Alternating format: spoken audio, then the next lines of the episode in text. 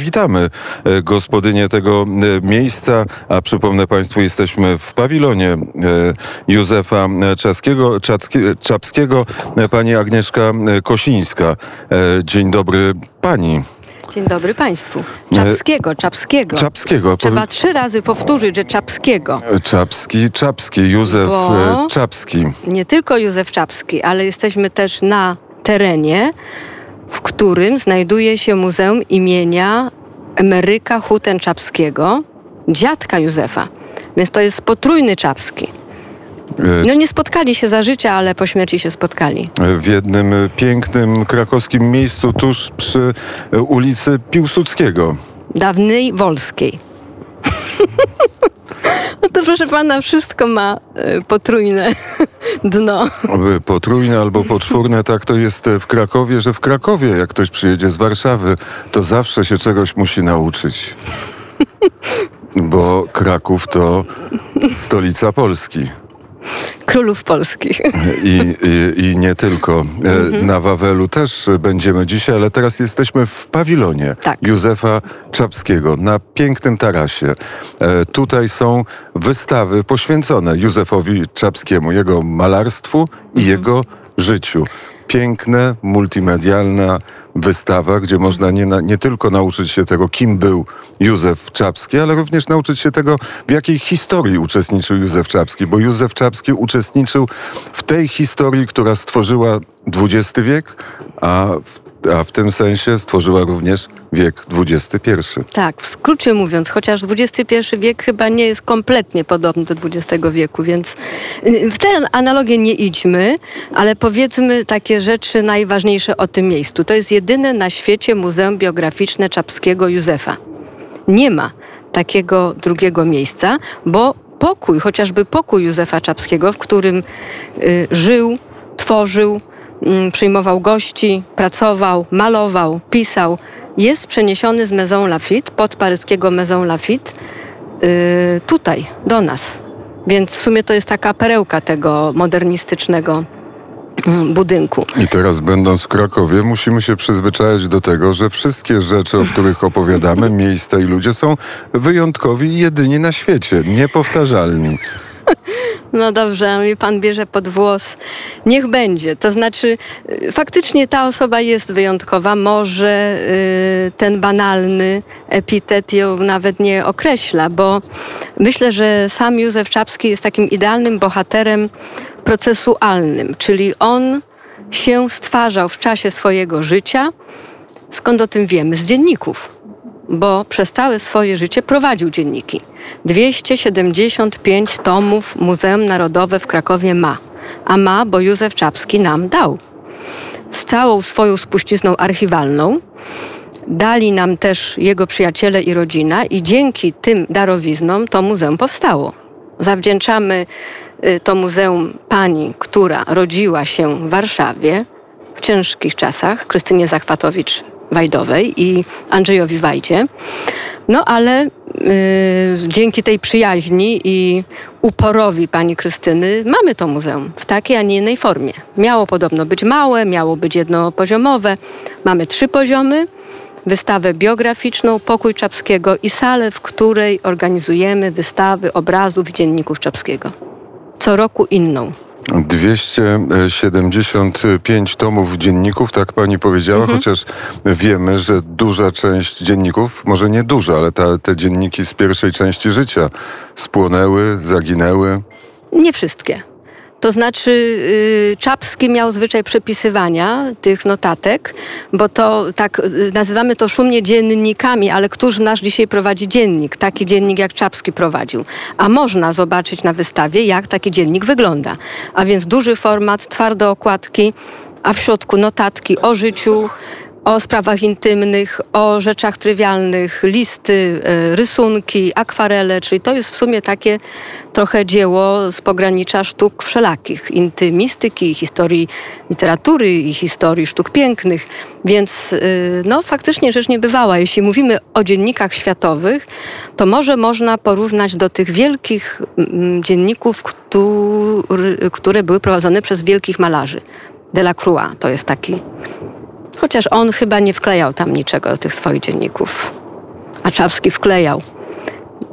Józef Czapski jest właściwie symbolem albo powinien być ikoną takiego polskiego intelektualnego życia XX wieku może być ikoną, dobrze pan to ujął, ale y, ze, z powodów y, zupełnie innych. Z powodów wszelkich.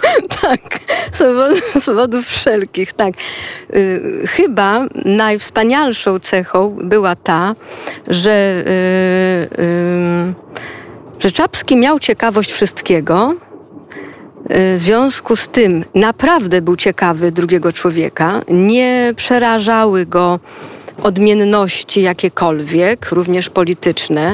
Przyjaźnił się ze wszystkimi, wszyscy go lubili. To jest może straszne, ale właściwie wszyscy świadkowie jego życia e, mówią, że, e, no, że to był człowiek, którego po prostu dało się lubić, chociaż nic nie miał w sobie z Milusińskiego. To był człowiek ostrych poglądów, ostrej rozmowy, wnikliwej rozmowy. E, no i tego strasznie bogatego życia, które w sumie teraz trochę przeraża współczesnego człowieka, który ma takie małe życie. Bogactwo e, tego, e, tego długiego życia e, to też bogactwo doświadczeń, nie tylko tych estetycznych, nie tylko tych intelektualnych, ale tych wojskowych. Jasne, to znaczy powiedziałabym życiowych, bo wcześniej stracił matkę wychowywany przez nauczycieli, guwernantki, siostry, no ulubieniec mężczyzna, który pojawia się po czterech siostrach, to w sumie jest takim ukochanym synem, prawda? I, więc to tak troszeczkę kochanym dzieckiem na pewno. Zresztą to rodzina, która trzymała się zawsze razem, wspaniale razem i się uzupełniała, niesamowicie rozgęziona. Jeśli pan, Państwo spoglądniecie na genealogiczne tablice, to zobaczycie, jak ten ród, że tak powiem, no, no jest niesamowity właśnie w swych koligacjach, że tak powiem, wielokulturowych, wielonarodowych, y, wieloformatowych. Więc, ale wspomniał Pan o tym doświadczeniu wojennym. Na pewno jest kluczowe, ale y, myliłby się ten, kto by myślał, że na przykład ta, ta bardzo znana książka Czapskiego na nieludzkiej ziemi jest książką martyrologiczną. Wręcz przeciwnie. Jest to z jednej strony taka, taka y, no powiedziałabym, po prostu najzwyklejsza, najzwyklejszy zapis pamięci, żeby móc przekazać rodzinom, tym rodzinom, których, tych żołnierzy, których Czapski spotkał w drodze do Starobielska, w Grazowcu, w 1939 roku internowany, nie, nie nawalczył się na tej wojnie y, za wiele w, na, na, jej początku, bo później towarzyszył Andersowi i oczywiście szlak bojowy y, jest wspaniały i, i po prostu bardzo atrakcyjny dla każdego piszącego, ale mm, Czapski, który pisze książkę po to, żeby zrobić po prostu listę umarłych, no jest czymś, y, jest sam w sobie ten fakt jest wstrząsający. Ale w tej książce jest również na przykład jego zachwyt tamtejszą przyrodą rosyjską. Bo oczywiście Czapski cały czas malował. Nie miał czasu na niemalowanie. Tak to nazwijmy malował, myślał e, i e, czuł. A właściwie patrząc na życie Józefa e, Czapskiego i na nasze życie w tej chwili, bo powiedziałem o tym XXI wieku, żeby go nie wiązać z XXI wiekiem, a jednak powiąza powiązany jest, bo to nie tylko on, tak? Rozmaite mhm. osoby, które wyemigrowały z Polski, które żyły poza Polską, zapewniły taką ciągłość kulturową i kulturalną, która trafiła do naszych czasów, więc w pewnym pewnym sensie jest pani spadkobiercą Józefa Czapskiego. No tak, najpierw byłam Miłosza przez 20 lat, teraz nie, to chyba wie pan za dużo. Po prostu wydaje mi się, że y, Czapski zrobił rzecz niebywałą, y, jeśli chodzi o XXI wiek i o każdy wiek. Y, być może nawet ten jego wiek, XX, był jakiś przychylniejszy człowiekowi, chociaż był antyludzki również. Ale e, wydaje mi się, że to wszystko, co Czapski osiągnął, to był po prostu jego charakter.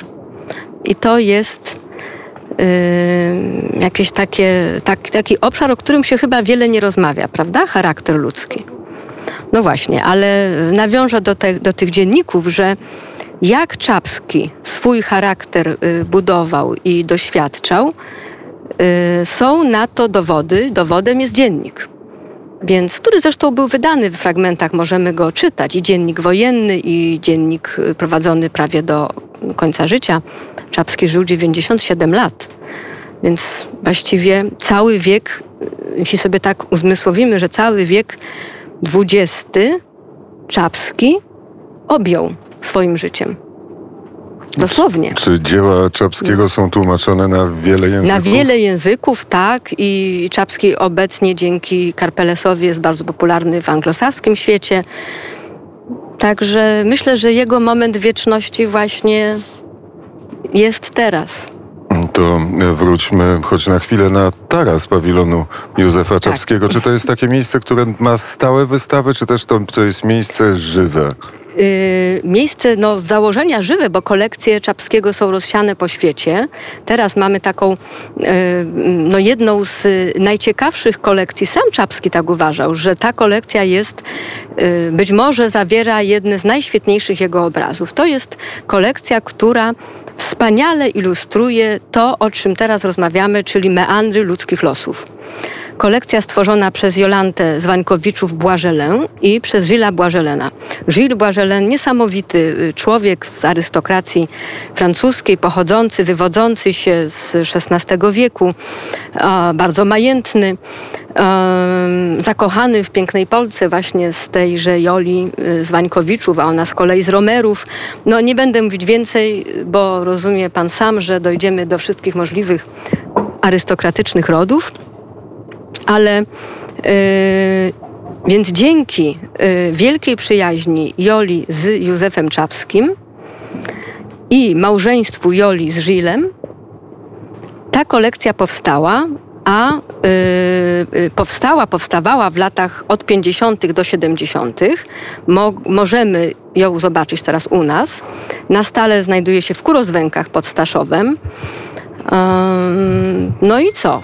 Sama mówi o sobie, prawda? Więc te losy, które najpierw w Paryżu, w Bretanii, potem w latach 90. ta kolekcja trafia przez Kraków, Warszawę do Kurozwęg, no to już właściwie jest pewna historia.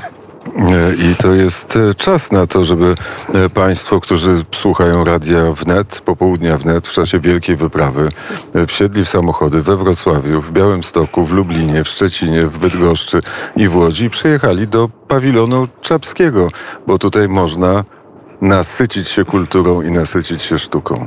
Tak jest, serdecznie zapraszamy. Bardzo e, dziękuję za rozmowę. Pani Agnieszka Kosińska, kierownik pawilonu Józefa Czapskiego. Taki tytuł oficjalnie pani przysługuje. Kierow, kierownik, tak. Kierownik pawilonu i kierownik Muzeum imienia Emeryka Hutenczapskiego. O którym powiedzmy teraz dwa słowa. E, jest to wybitna, najcenniejsza na świecie kolekcja numizmatów Wyjątkowa. polskich. Nie, bo Warszawa ma więcej numizmatów polskich, ale my mamy cenniejsze. I tak doszliśmy do jakiegoś e, porozumienia. Bardzo serdecznie dziękuję, dziękuję za raz jeszcze, dzięki.